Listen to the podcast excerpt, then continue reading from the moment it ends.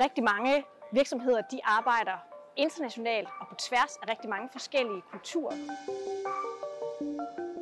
Hvis jeg skal tale med mine kollegaer i Rusland, så skal jeg helst sige tingene meget klart og entydigt. Og hvis jeg gør det samme med mine kollegaer i USA, så vil de jo blive øh, meget fornærmet og ikke tror, at jeg respekterer dem.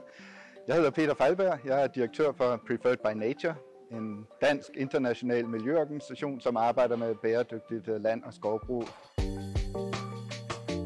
Mit navn er Lise Tjøring, og jeg er antropolog og humanistisk erhvervsforsker her på Københavns Universitet. Jeg har indsamlet en masse data, hvor jeg har interviewet 21 medarbejdere i en multikulturel virksomhed, og jeg vil præsentere noget af de, det materiale, som jeg har fundet via de her interviews, og vise jer nogle resultater fra det, og også vise jer nogle måder, man kan arbejde med de her kulturelle udfordringer på ude i virksomhederne.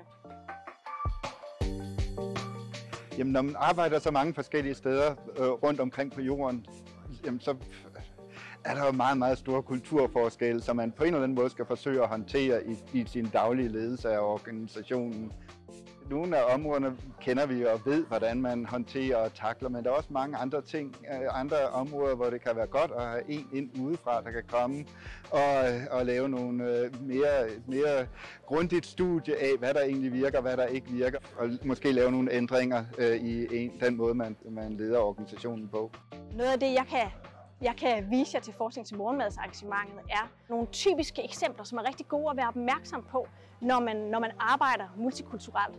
Og jeg kommer også til at give jer nogle redskaber til, hvordan man kan arbejde og blive bedre til at arbejde med de her, med de her kulturelle udfordringer.